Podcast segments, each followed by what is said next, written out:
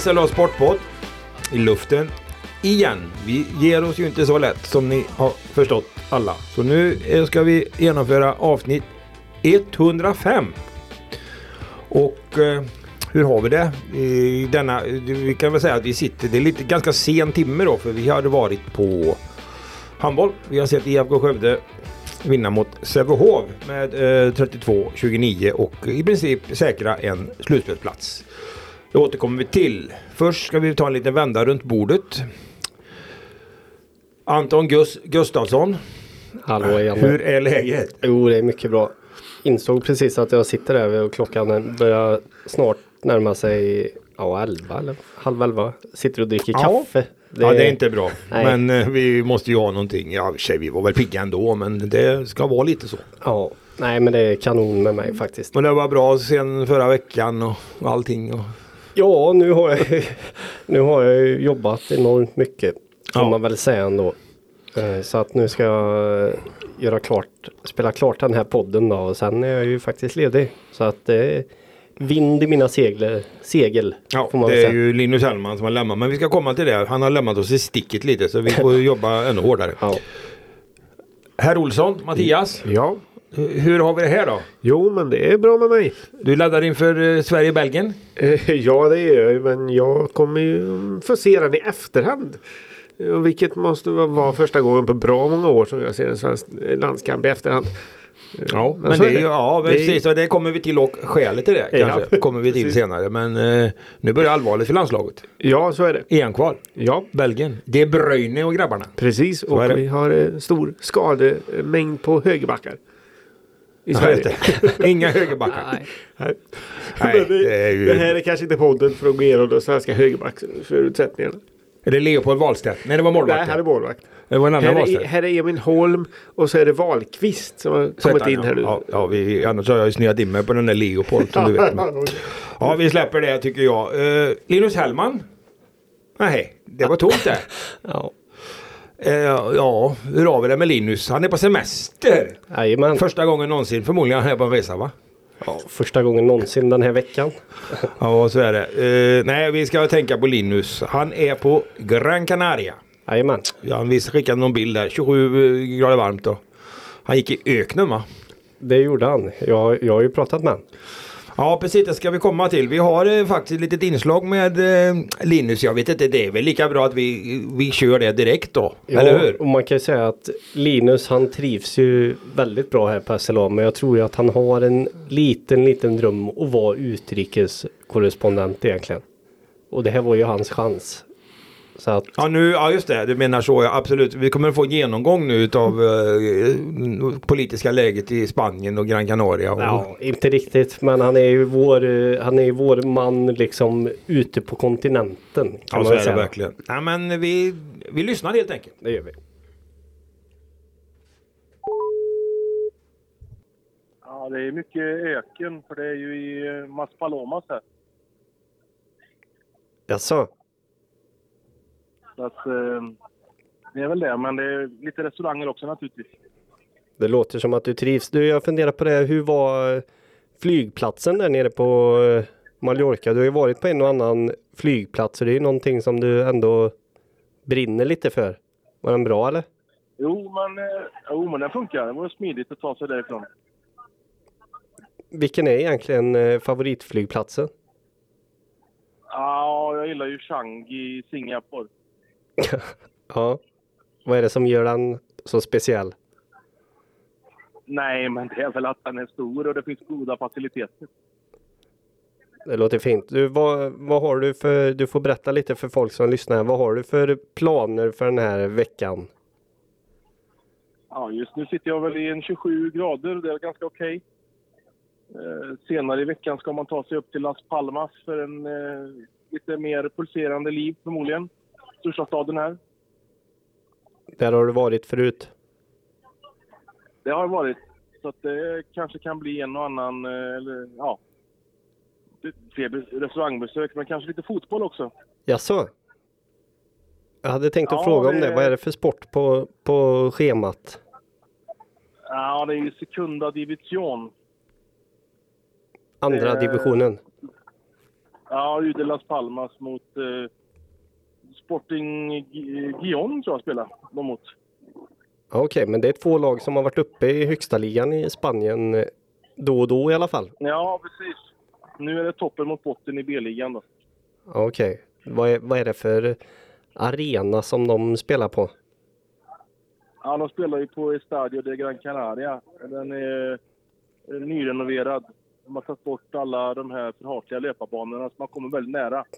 Okej, okej. Och sen är väl eh, annars är väl eh, Las Palmas också Francesco Veronas klubb. Ja, det får man ju säga. Han har ju en bakgrund där.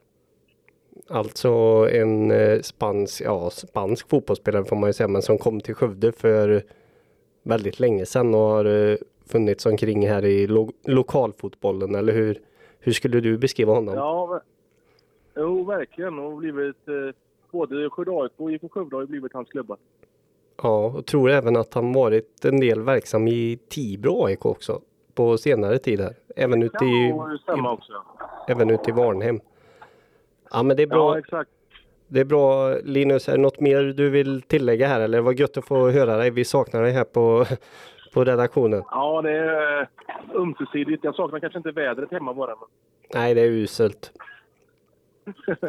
det är det. Okej. Njut av eh, god mat och dryck och värme. Det får jag göra. Ni får ha det så gott. Vi ses nästa vecka. Det gör vi, det gör vi. Ja, det där var ju Hellman alltså på telefon från eh, Gran Canaria. Han låter, han låter i bra form. Ja, det är han. Vi hoppas att han är i lika bra form när han kommer hem utvilad här eh, i början på nästa vecka. Ja, då, ja, måndag och då blir det ingen semester. För då, då är det slutspelssidor och superettan ska ha premiär och vet inte allt vi ska göra. Ja, men man pratar ju ibland om liksom slutspelsvapen och slutspelsjokrar och sådär. Det är ju SLA-sportens slutspelsjoker är ju en utvilad Linus Hellman. Ja, det ser vi fram emot verkligen. Eller hur? Så att ja, så är det. Ha det bra resten av veckan, eller vistelsen Linus, så ses vi i nästa vecka. Så är det med det. Eh, då går vi över på kvällens, torsdagskvällens övning som ägde rum i Arena Skövde. Där då, ja, man lyckades faktiskt vinna mot Sävehof. Eh, för det var ju ett tag sedan. Alltså, de hade ju åtta matcher i rad, vad jag vet, under Henrik Signells ledning då, som man inte hade vunnit. Och nu äntligen då. Viktigt, eller hur Mattias? Ja, det kan man ju lugnt säga. Det innebär ju att laget i praktiken är klara för slutspel. Det är ju maximal otur och att Hallby vinner matcher med 15 bollars marginal som krävs för att de inte ska gå till slutspel. Så i princip så kan man säga att de är klara för slutspel. Ja, Tack det för fak- vinst. faktiska är ju att IFK Skövde har eh, fyra poäng försprång till Hallby som har två matcher kvar. Kan komma upp på samma poäng. Men har då en målskillnad som är 29 mål sämre då. Precis. Så det är klart att någon klappar till Sävehof med en 15-20 mål i sista omgången. Så. jo.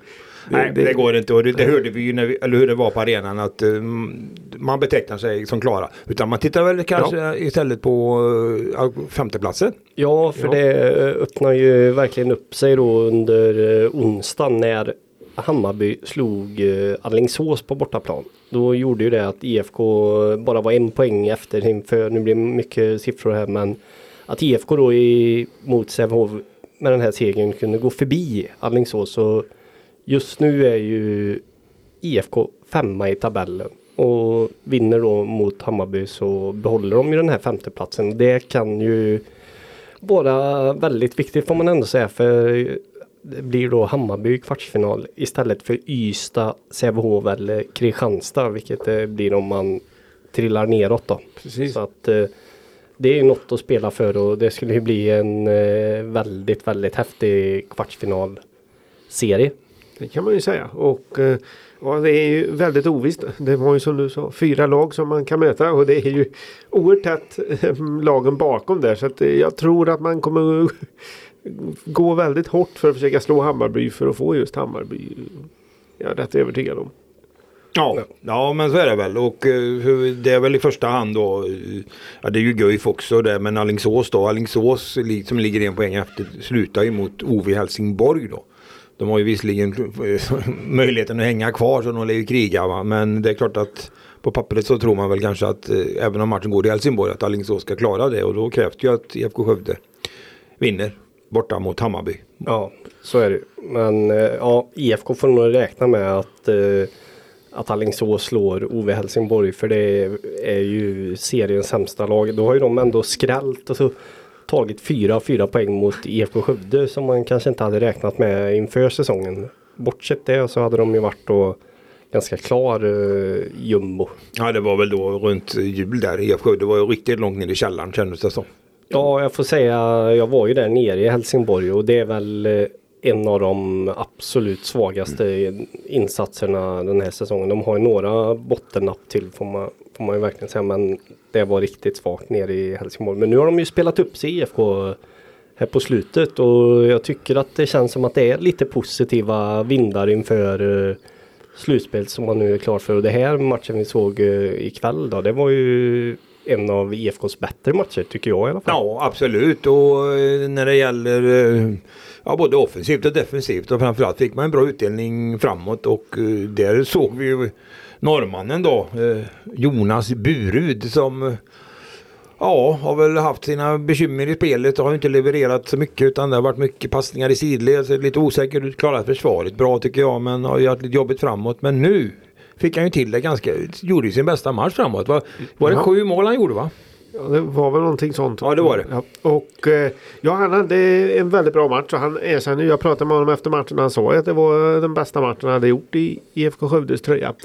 Och han eh, berättade också att han nu ser fram emot slutspel. Eh, så att, eh, och han var också väldigt nöjd över att formkurvan då var på väg åt precis rätt håll. När man är på väg in i den här delen av säsongen. Och det är såklart bra. Nej, det är oerhört viktigt att man får ett rejält hot även på när man har en vänsterhänt nia. Att man har ett rejält hot från den Annars blir det lite för lättläst i spelet. De vet det att han skjuter den inte nästan aldrig utan man packar ihop sitt lag 6-0 och det har ju många gjort då, för sitt försvarsspel. Men eh, kan han komma in och hota får de ju betydligt större bredd på, på spelet. Öppnar ju upp även för Bjarni Valdemarsson på andra sidan då. Lite som när Jack Turin och de spelar. Så att nej, det var, det var en bra insats. Ja, det var det och jag tyckte att, eh, vad heter det, Daniel Ekman var bra igen och han tycker jag visat rätt bra form. Det känns som att han efter sin skada så tog det ett tag innan han verkligen började komma igång men jag tycker han blir bättre och bättre och så känns det på ganska många håll nu i IFK då, att det, ja, man pratar ju inför säsongen att det här kommer ta tid och få ihop det här är nästan ett helt nytt lag eller i alla fall till stora delar ett nytt lag och känns nu då som att det börjar falla på plats mer och mer. För det var ju det som var så märkligt i början att då gick man ju som tåget i serien. Trots att man hade massa spelare borta och sen när de kom tillbaka då de här Ekman och de här killarna började spela igen. Det funkade ju inte alls men nu börjar det ju ge frukt. Och en, en intressant grej, det var ju du som sa det. Eh, jag hade inte tänkt på det just men de har ju faktiskt slagit den här säsongen sam, de, alla de här topp 4-lag. Ja så är det ju. De har slagit, eh, ja de slog tidigt på säsongen Hammarby och Sen eh, Ystad, det var de första omgångarna och sen på slutet nu då slagit både Kristianstad och Sävehof och det är ju ändå något att ta med sig in i slutspelet för nu tror vi ju då kanske att det blir Hammarby slutspel eller ja, de kommer ju möta något av de här fyra lagen i alla fall och då är det klart det är skönt att veta att vi kan ta dem. Sen har de ju, får man ju vara ärlig och säga att de har ju varit ganska långt ifrån de lagen på bortaplan i alla fall. Ystad och Kristianstad var väl inte särskilt nära heller som jag minns det. Sävehof däremot var ju oavgjort på bortaplan. Ja, men de har inte förlorat med dem i år. Nej, och, så det är väldigt, eh, ja det visar ju ändå att eh, de, de kan ta alla lag. Mm. Sen är det skillnad såklart i det är fem matcher. Då måste man ju ta tre ja, då. Men Sjöbrink pratade jag med Marcus, heter han i förnamn och han sa det också att jo men det verkar som att vi spelar bättre mot de eh, bra lagen och sen pratade han lite om publiken att det spelar roll och ofta mot de här bra lagen så så är det ju mer publik i arenan och det blir ju bättre tryck. Det såg man ju bara ikväll när det är Sävehof. Det är något som folk verkligen vill se. IFK Skövde slå Sävehof med den rivaliteten som finns där. Och det är klart, då blir det lite annan stämning och vi minns ju hur det var i slutspelet förra året med fullsatt arena och det är klart att det, har man 1500 eller till och med 2000 ja. i ryggen så, så, blir det, så blir det lite mer energi. Så funkar det ju ändå. Ja, så är det. det här är viktigt att ta med sig tror jag, de här segrarna. Alltså definitivt. Det visar ju att det, det, går ju va. Ja, precis. Och ett lag som inte var så sugna på Skövde var ju Sävehof på pressträffen. Efter, efteråt så sa ju eh, Sävehofs tränare Mikael Appelgren att de gärna slipper Skövde. De tycker att de är Ja. bra och har stor respekt för dem. Att de gärna undviker dem. Men det är ju inte så, så lätt för dem. De, de är ju tvåa. Så att uh, lär bli tvåa. Eller blir Ja, väl det, tvåa, är, det klart. blir sjua då. Ja, precis. Så och de- den de- de- möjligheten eller risken, fin, eller hur ja, man det nu ser det, finns ju. Så, att, eh, eh, men Sävehof kan inte göra så mycket. De kan bara sitta och vänta in sitt motstånd. Skövde har ju åtminstone lite i egna händer. Ja, så är det. Nej, men det ska bli spännande. Absolut. Och eh, det tar ju en stund innan det rullar igång då. För vi har ju sista omgången där. Den går ju alltså eh, nästa fredag. Eh, 31 mars Korrekt. är det väl då. Så att eh, det, vi får vänta en vecka på det. Eh, men eh, ja, bra gjort i varje fall. Och det, framförallt är jag väldigt, det tycker jag är väldigt kul att det, vi vet nu att det blir ett SM-slutspel. Och det har ju känts det har ju långt ifrån varit givet tycker jag. Även om man på något mirakulöst sätt har ju legat där femma, sexa, sjua ändå. Trots de, de, alla de här förlusterna. Ja, ja, jag kom ju in lite sent eh, under säsongen här. Då hade ju den redan börjat och den första formtoppen var ju precis i slutskedet när jag började här. Så Det pikar ju där mot Ja, RIK hemma. ja, ja. Stora siffror. Precis. Och sen eh, har jag ju bara sett förluster under en lång period. Så för mig att ständigt läsa att de var på slutspelsplats har ju varit väldigt förvånande egentligen fram till Kristianstad-matchen och den här vinsten Mm. mot Sävehof. Så nu har de ju faktiskt börjat eh, leva upp till, till sin plats. Så Men det var ju både, båda tränarna här efteråt var ju inne på det att den är så jämn eh, tabellen och det är ju det som gör för jag menar att IFK att det har känts som att IFK inte har spelat så bra. Det, det har de ju inte gjort under ja, den här mittdelen på säsongen.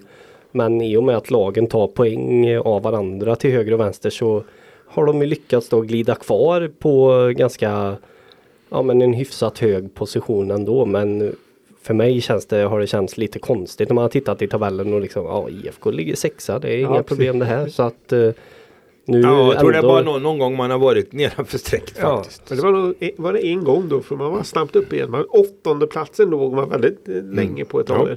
Men jag noterar något i dagens match som eh, var väldigt positivt. De hade inte den där stora dippen som de har haft nästan alla gånger jag har kollat på dem. Att det, det har gått en 10 minuters period eller 15 minuters period som oftast har förstört hela matchen. Men de hade nio minuter utan mål i första Okej. halvlek. Ja, okej. 13-9 blev Ja, 13-12. ja, Men det var ju ändå, de tappade inte sin ledning Nej, och de det- förlorade inte matchen. Ja, de gick de ändå då. till pausledning med 15-14. Så den blev ju inte så Ja. Nej, ödesdiger som den Nej, har blivit. Jag förstår precis vad Ja, du menar och den dippen hade de inte. Nej, just det.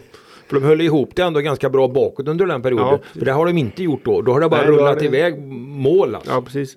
Det är någon gång när man har eh, gått ner där och varit fotograf och så liksom känns det som att matchen var klar efter 10 minuter nästan. Man, ja, har jag fotat klart nu? Liksom, var avgjort och klart. Men nu, nu är det inte så längre. Det är skönt. Nej men det är bra. Eh, Vi får se då eh, vart man landar. Det, finns, det är en öppen fråga men vi, vi hoppas på en femte plats. Tänk att se en kvartsfinal mot Hammarby.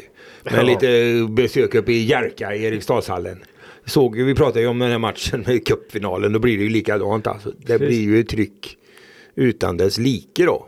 Får vi skicka över Linus sitta i det där ljudisolerade rummet kanske. Som Ja. han pratar så mycket om. Ja absolut. Det är bästa som finns Hellman i olika bås.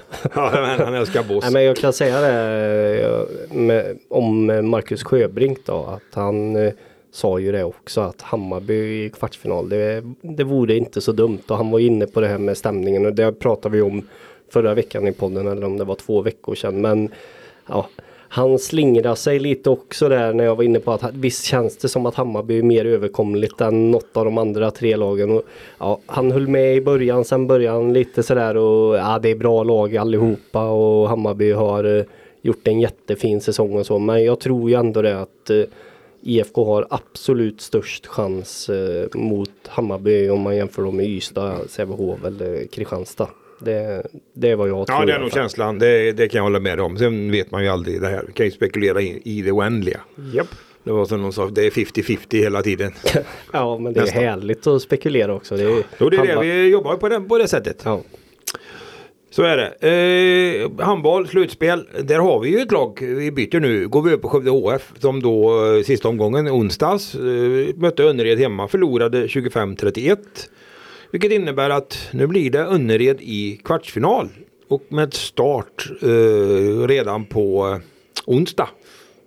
I detta. Vad ska vi tro om det här nu då? Skövde HF har ju svajat. Jag tror de har spelat sista sex, sista sex matcherna och vunnit en när det var mot Heid. Ja, och det är ju, ja, det är ju en gratis seger får man ju säga. Även om Heid lyckades vinna Ja, den de sista sprattlade till och vann mot Hallby. De var väl, var väl nollställda. Ja, jag har inte sett matchen men jag gissar att Hallby, ja. Nej men vad tror vi om det här nu då? Det har ju varit mycket, vi har ju håsat och många har varit mycket positiva med Skövde HF under säsongen. Och det var väl bitvis ganska hyggligt även mot eh, Önnered även om man inte räckte till. Önnered tycker jag är ju ett bra lag som mycket väl kan utmana till en final i år. Så att, eh, men det Ja. resonemanget då, har ju, då tror vi inte på Skövde HF då. Nej, det, alltså det blir tufft. Alltså, Jenny Sandgren, eh, målvakt i Önnered, klev ju verkligen fram i den här matchen och var väldigt stabil när eh, hon behövde vara stabil. Det var ju egentligen så länge Skövde HF var med var ju tills hon vaknade lite grann. Det var typ efter 20 minuter då klev hon fram, eh, räddade plötsligt väldigt mycket skott och då gick de ifrån. Och så höll Önnered egentligen det avståndet i matchen ut sen. Ja det var väl så de, jag tror de vände ledde med 11-10 eller någonting. Och Ja, sen så, precis. Sen blev det, så, inte- paus var 13-18. Precis, det tog stopp där. Det tog stopp. Ja. Jag kan eh, konstatera att det är två lag med olika formkurvor som går in i slutspelet. Du sa att eh, Skövde bara hade en seger på sex senaste. Jag tror Önnered har avslutat med sju raka segrar alltså då. Och jag måste säga att jag var imponerad av eh, Önnered. Jag tyckte det var ett riktigt bra lag. Det är många bra spelare. Du sa Jenny Sandgren och det är väl, eh, ja, det är väl möjligtvis Johanna Bunsen då kanske som tycker att hon är bästa målvakten i serien. Men annars är väl Jenny Sandgren Ja, och toppar ju ligan när det gäller Ja. räddningsprocent, nästan 40. Och sen är det, det är många fler. eh, Skövdetjejen Fanny Elofsson är jättebra. Ja, och sen bra. Väldigt bra eh, spelare ute på kanten också. så Ja, att och det är Evelina nog- Källhage och hon Hansson där. Och sen Ja. har de ju nya stjärnskottet. Moa Bokvist är ju en tjej som är Ja, på precis. uppgång. Så de har ett bra lag alltså. Som var med på, visst var hon med som på, i det här landslaget som även Matilda Ja, Forsberg var ja, med där. som extra spelare. Som extra spelare Mm. eller vad man kallar det. Så Utvecklingsspelare tror jag är fina titeln är va? ja, Ja, så är det. Ja, nej men eh, man får väl ändå säga alltså, Skövde HF ska inte lägga sig ner och ge upp här innan kvartsfinalen eh, börjar. Det är inte det jag menar men eh, jag tycker ändå att Önnered gäller som rätt klar favorit ändå på Ja, förhand. ja. Underdog är ju bra för Skövde. Det kanske passar de här tjejerna bra för att eh, min känsla har ju varit under säsongen att eh, de- här matcherna som man förväntas lite grann vinna då. När man, eh, för de här, man får ju inte glömma det, det är relativt ungt lag, ett orutinerat lag. Men aldrig, de här tjejerna, det var väl bara eh, Flygelholm som hade spelat slutspel och det kommer väl knappt ihåg själv. jag. Nej, det, och kollade det innan vi åkte och det är i Skövde-tröjan då. Matilda Forsberg har spelat slutspel Ja, med Västerås. Irsta och eh, så. Men i Skövde-tröjan så är det bara Johanna Flygelholm som har spelat. Och jag frågade henne om det efter och hon mindes ju knappt det här. Ja, jag Nej. tror att jag var med någon match mot Höör sa hon. Men Mm. jag kommer inte ihåg så det är lika nytt för mig där. Det blir väl den stora utmaningen för Skövde HF blir väl att eh, att inte pusta ut här och vara nöjda med att bara ta sig till slutspel utan att verkligen kräma ut allt Ja. man har för att gå vidare. Sen kan man ju när och om säsongen tar slut så kan man ju vara liksom nöjda och belåtna över att ha gått till slutspel ändå. Det är en jättefin säsong och första slutspelet se- sedan 2017 men just det här att inte slappna av då och tänka att åh vad gött att vi är i slutspel utan verkligen gå för Nej, det. jag tror, det tror, jag tror nog ändå att man, nu, nu inser man att man är där och jag tror nog att man kommer nog försöka samla ihop sig så gott man kan. Och de har ju en klok tränare också som vet vad det här handlar om så att eh, jag räknar med att de kommer att bjuda upp här för det kommer in slutspelsnerver även hos Önnered liksom och de är klara favoriter så att eh, här är, det vet vi, Skövdelag i min är alltid bäst när de slår ur underläge.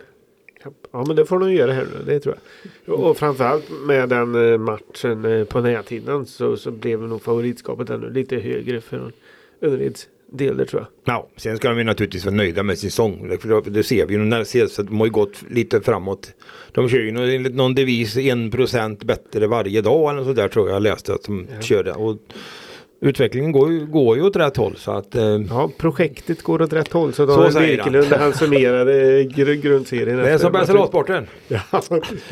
Nej, nej men det är, det är jättekul och roligt att vi får, att vi får slutspelshandboll med Skövde HF. För det har varit ganska tomma år. För vi var ju bortskämda under en lång period med eh, sex SM-finaler i rad och ett guld. Och det var ju slutspel varenda säsong. Och sen så har man ju nästan på vippen och ramla ur. Men nu har man ju på rätt spår igen. Så att det är all heder åt Skövde HF när det gäller den biten tycker jag. Ja. Men du har väl också kollat här hur, om man blickar längre fram i slutspelet? Satt inte du och Ja, gick igenom? absolut. Det kan vi nämna tycker jag. Det, nu har man ju ändrat om här då. eh, Det här. Det är ju, valen är ju sk- skrotade i slutspelsvalen och det hörde vi inte på här sidan. Det, han Mikael Appelgren i Sävehof gillar ju inte det. Han ville ju välja. Tyckte att det var dumt att ta bort det. Men nu har man gjort det här och då är det etta mot åttan och tvåan mot sjuan och så vidare och så vidare. Och då handlar det om också att man har ju ett fast slutspelsträd. Så att man vet vilken halva som man ligger på. Och då innebär det ju då på den, samma halva i damernas slutspel i kvartsfinal ligger ju Skövde HF eh, mot Önnered och Skara HF mot H65 Hör. Om man har lite fantasi och hoppas på det bästa för båda lagen så kan vi få en semifinalserie då. Mellan Skövde HF och Skara. ja.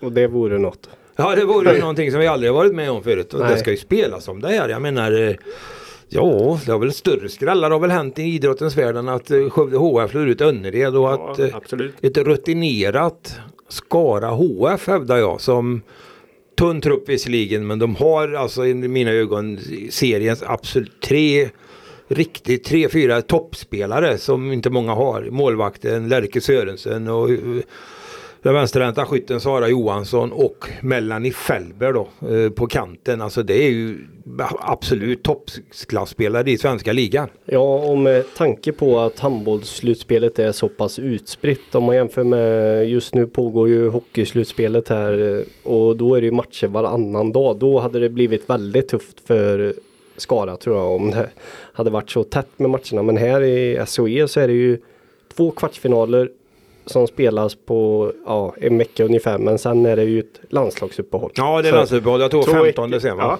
två veckor mitt i var det va? Så vilket eh, man kan ju eh, ja, det gör ju att ja, en tunn trupp det behöver inte vara en så stor nackdel som det hade inte- varit annars. Sen kan man väl bara skicka en tanke till Kungälv här som ska möta Sävehof i sin kvartsfinal och högst troligt kommer ligga under med 2-0 i matcher och sen tvingas då träna på och Ja. liksom li- lida i väntan på att få åka ur mot Sävehof då i den tredje matchen. Ja Men- precis va. Och sen- Hoppet lever kan man Ja, säga om ja. man är väldigt optimistisk. Då. Nej men det där är lite intressant och dessutom är det ju så att Sävehof då som, ja, som är ju det bästa laget. Det är ju, vore ju århundradets skräll om de inte skulle vinna det här. De ligger på andra sidan då, i den andra halvan eh, i slutspelsträdet. Så att eh, då behöver man inte möta varandra i final då. Nej, det är ju en fördel. Väl. Och, och det är ju tungt för Skuru då som alltid vill ha med i toppen. De vet ju det att om de slår ut Västerås, vilket inte är givet, då eh, har man ju Sävehof redan i semi. Ja, men jag får ändå om jag ska tycka till om det här så jag gillar inte, alltså jag, jag för, förstår charmen med att man då vet vilka man kommer få möta. Men jag tycker egentligen att det laget som vinner serien i semifinal ska det ju möta det liksom lägst rankade lag som är vidare. Här är det inte säkert att det blir så beroende på hur matcherna går då. Att man kan ju, ja, skulle Skara skrälla till exempel så blir det alltså Skövde eller Önnered, trean Mm. som får möta sjuan. Det borde egentligen vara Sävehof då i och med att de har gjort en jättebra serie och vunnit Visst, eh, visst. serien. Men det, det är som det är. Nej, men ett ett tips som inte är alltför vågat är ju naturligtvis att det blir en SM-final mellan Sävehof och H65 Hör.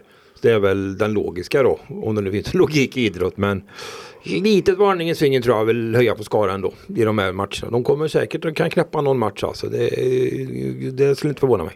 Ja, de eh, mötte väl Hör förra året också i Ja. slutspelet. Då tog de en match. Ja, de, nej, första men du vet, ja. de har slutspelsrutin. Hon Berntsson, mittsexan och spelat Magnstras slutspel. Hon vet hon, hon nypar till i försvarsspelet när det behövs och så här. Så att eh, får de vara skadefria och gå tungt och han kan coacha där frisk så kan det kan de nog ställa till det för han Ola Månssons H65. Ja, det är lite skillnad på slutspelsrutin i Skara jämfört med i Skövde. Så är det absolut. Ja, vi får se. Spännande blir det i alla fall och kul ska det bli. Det kan vi i alla fall vara eniga om. Verkligen. That's it. Hur har vi det i helgen? Ja, Vad ska vi göra Olsson? Vi ska jobba. Vi ska jobba. Och just det, det är genrep för någon. Ja, eh, Skövde AIK. Ja, Genrepare mot Värnamo. mot allsvenskt motstånd. Ja, precis. Ja. Får, Vad ska vi tro? Ja. Ja. jag skulle säga att du får väl se en, eh, måste ju vara en hjälte för dig som eh, Jag tänker finns Jo- i Värnamo. Jag tänker Jonas Tern här. Ja, det är precis vad jag Ja, tänkte. alltså jag tänker ju eh, lite, jag kommer ju ha kameran där och det är klart att drömbilden är väl att ha Linderoth och Tern på samma bild på något sätt. För det är ju ändå eh, svenska landslagets innermittfält i två olika epoker. Eh, Delar av då, inte hela. Men, Ja, det får man säga. Få, eh, det är många landskamper emellan i alla fall. Ja, det kan man ju definitivt säga. Och det är ju inte sällan. ja, två tunga namn och i Ja. svensk fotboll överhuvudtaget. Framförallt det. Jonas Tern då. Ja, så är det. Och eh, Linderoth är ju inte långt efter heller. Nej.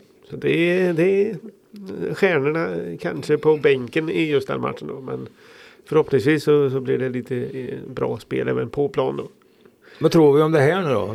Själva genrepet som sådant. Vad har vi på Värnamo så här långt? Är det en skaplig försäsong eller vad vet vi? Jag har in, inte så bra koll faktiskt alls på Värnamo än så länge. Nej men jag tror det är hyfsat va? Ja, och eh, sen tippas de väl ganska långt ner Det gör de i allsvenskan. Men så blir det ju ofta att eh, media tippar Stockholmslagen och Malmö i topp nästan jämt. Nu är BK Häcken också då givetvis. Men eh, Värnamo eh, räknar folk väl med ska ligga där i botten. Men däremot så var de ju de var bra förra året ändå med också med i och för sig då en Marcus Antonsson som har Ja vad har- gick Ja. han någonstans då? han följde pengarna ner i ja, Mellanöstern. Jag Okej. kommer inte ihåg om det är Qatar eller Saudiarabien eller vart det var han gick. Men eh, han gjorde väl, ja, han var tvåa i skytteligan tror jag förra året. Så att, eh, ja, det är ju ett avbräck för Värnamo. Men de eh, kommer säkert gneta på det nere på Finnvedsvallen Fin- som det ja heter. precis. Ja, jag inte. Jag... Fördelen de har det är ju definitivt att eh, de eh, återigen som egentligen ett relativt stabilt allsvenskt lag kommer kunna stå i underläge igen.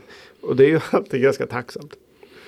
Ja precis. Och vad har vi på Skövde AIK då tror vi då? De har haft en ganska tuff försäsong med väldigt Ja, bra eh, motstånd och har ju inte blivit ja, resultaten kanske, eller har inte blivit så bra kanske men eh, så vet jag inte om spelet är de väl hyggligt nöjda med kanske eller? Ja, det, jag tyckte att eh, Mikael Mörk sammanfattade ganska bra. Han upplevde att de har fått till liksom bättre spel om man säger så då, mellan straffområdena jämfört med förra säsongen. Men att det är viktigt här att de behåller det som de har så bra på förra året och då var de ju väldigt starka Skövde AIK i båda straffområdena både Ja. defensivt och offensivt. Då, så att, Och så höga pressen. Ja, den höga pressen finns alltid där. Men de har inte vunnit så mycket Skövde AIK på försäsongen. De slog Luleå i Svenska Cupen men det är väl den enda segern tror jag. Annars har det varit väldigt mycket kryss och en och annan förlust också. Så att, eh, är det rent resultatmässigt, jag tror precis som du var inne på och som Mörk var inne på där, att de är nog mer nöjda med detaljer i spelet än vad de är rent resultatmässigt.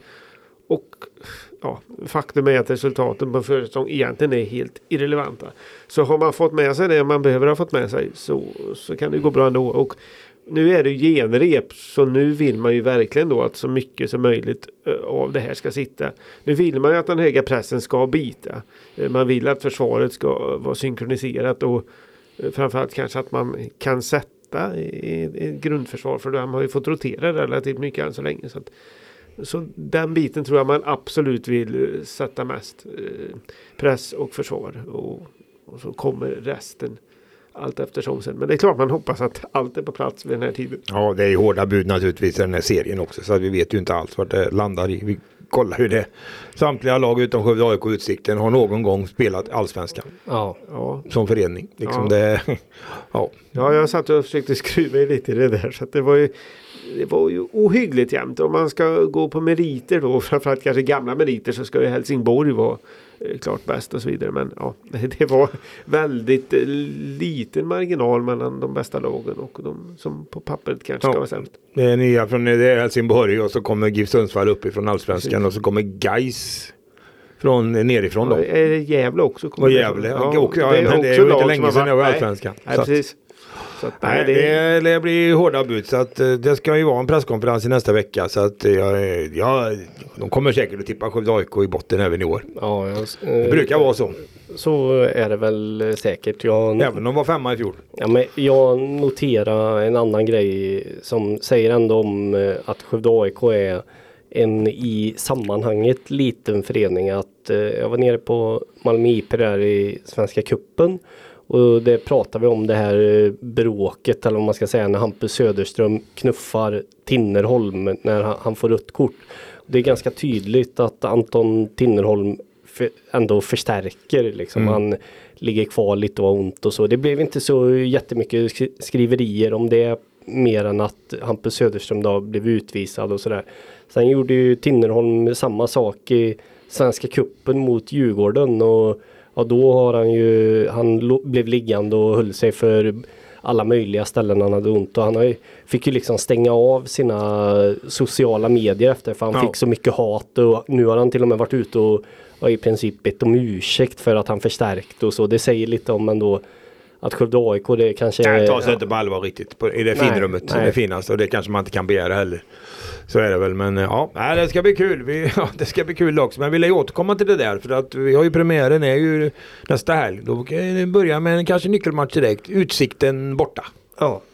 Och Jag känner bara att nu är vi härlig tid på året det här. Ja. Två handbollsslutspel och superettan som drar igång. Det kan inte bli Ja, mycket nej, bättre det kan inte bli bättre. eh, Smattrar det så att Ja. i grejer. Så är det. Timmen är sen. Eh, vi kan bara avsluta med en grej först. Vi måste förklara varför herr Olsson inte kan se på Sverige-Belgien i live imorgon kväll på TV. Ja. Jag är i Tibro. Sådär ja. ja. Ja. Och då är det på ishockey. Ja precis. Tibro IK har ju chansen att gå upp. Ja, de spelar en direkt avgörande match i kvalserien mot Stenungsund. Precis. Och det är så att Skriver IK ligger två poäng efter. Måste vinna på ordinarie tid. Gör de det så är det, är det comeback i division 2. De ramlade ur tvåan. Jag kollade det där 2019 senast. Sen har man nu gått en Hellman hade ju sagt att det varit en ökenvandring. Ja, en Golgatavandring Ja, säger man ibland. ja, precis. Har det varit och det var ju ganska, men sen har man väl fått ihop det bättre. Man har ju fått ett gäng spelare. Fick väl lite spelare inför den här säsongen. Killar som hängde som ju spelat en del division 1 hockey i Skövde då som då tyckte att det var lämpligt att kliva ner till Tibro och, och lite andra killar som har förstärkt laget. Viktor Wenghult vi pratat om förut. Poängkung i ettan. Precis. Förstärker i kvalet så att ja, de har nog goda möjligheter. Va? Det tror jag. Det är väl eh, Det känns väldigt öppet det där. Och det, det är inte så ofta som det blir i, i en kvalserie att det blir en direkt avgörande match eh, på det här sättet. Ibland är det att något lag sticker ifrån lite och avgör. Och ganska ofta då så är det att eh, det blir en avgörande omgång men att topplagen möter andra lag liksom. Men nu är det ändå en direkt avgörande match vilket eh, känns spännande. Ja, det det är känns kul. ju lite fascinerande att slippa det här letandet på datorn efter hur går det i den andra matchen. Är de klara nu? Eller vad händer? Och så vet man då att vinner de så är de klara och då kan de jubla direkt. Och så kan det då bli den här speciella situationen när eh, man tvingas plocka ut målvakten när det står oavgjort. Eller när det är Ja, just det. oavgjort. Så är det. Eh, Kan det ju bli. Det har ju hänt förut och det kan hända igen. Ja. För de, måste, de måste vinna för det är det, går det till overtime då är det, går det i, till fördel för Stenungsund. Ja. Oavsett om Tibro vinner i overtime. För då är det två poäng till Tibro och en poäng till Stenungsund. Och då kommer man ju naturligtvis inte ikapp. Men eh, ja, det blir spännande. Det kan bli publikfest. Det kan bli gamla goda tider i Tibro i fredag kväll. Japp. Ja. Så är det. Vi håller tummarna. För det vore kul tycker jag att få upp Tibro i division 2. Så är det. Och, eh, särskilt nu när, eh, får man ju säga då, Töreboda åker ur den här serien då. Så att det är kul om Det finns något division 2-lag i, nej, ja Lidköping finns i. Ja det finns ju där att, naturligtvis eh, också men eh, Ah. Tibrik har ju lite känslor tycker jag. Det är ju en klassisk förening. Det, det vet jag ju att det är. Och det känns ju så av tradition. Det luktar ju ishockey när man kommer in i Tibro ishall fortfarande runt i deras katakomberna hade Hellman sagt. Det, är det väl inte där men det känns ändå på genuint ishockeymässigt fortfarande tycker jag i Tibro. Det, den kulturen ska de vara rädda om. Ja, absolut. Så är det med det. Eh, på måndag ja, har vi ju det. Vi- Vi avrundar med det tycker jag eh, i helgen. Skövde IB, nu är man ju där i den där avgörande matchen mot Lockerud. Eh, I division 1-kvalet innebandy. Och ska möta dem i... De har hyrt in, hyrt in sig i Arena Skövde. Nu ska de slå publikrekord på 2034 eller vad var det? Ja, det vet han, vi inte men... Han hoppades ju på det, Jan Andersson. Men eh, ja, vi får väl se. Men eh, det kan säkert bli en hel del folk. Det var väl över 500 här i, mot Halna då i Kavelbro Arena i veckan. Så att ja, det är väl inte omöjligt att det kommer det dubbla i den här kvalfinalen i alla fall. Nej, det ska bli kul. personer tror jag. Ja, det ska bli kul. Det blev ju så. Det har ju pratats om det ända från i oktober månad att de här två lagen kommer att göra upp och så blev det. Ja, så att, men det, det känns väldigt öppet. Det blir spännande. Då är det. Då så, mina herrar. Vi kanske är dags att runda av, sätta punkt innan eh, larmet går. Då kommer Securitas och slänger ut oss. Ja. Så det är lika bra att gå ut med Ja. av egen maskin. Ja, ja, trevligt. Så vi tackar väl för nu och så återkommer vi nästa vecka. Då kanske det blir lite mer eh, fotboll. Eh, ettan, det måste det ju bli då inför premiären och ytterligare lite grann får vi se vad som händer. Japp. Tack för ikväll! Tack, tack. Hej, hej.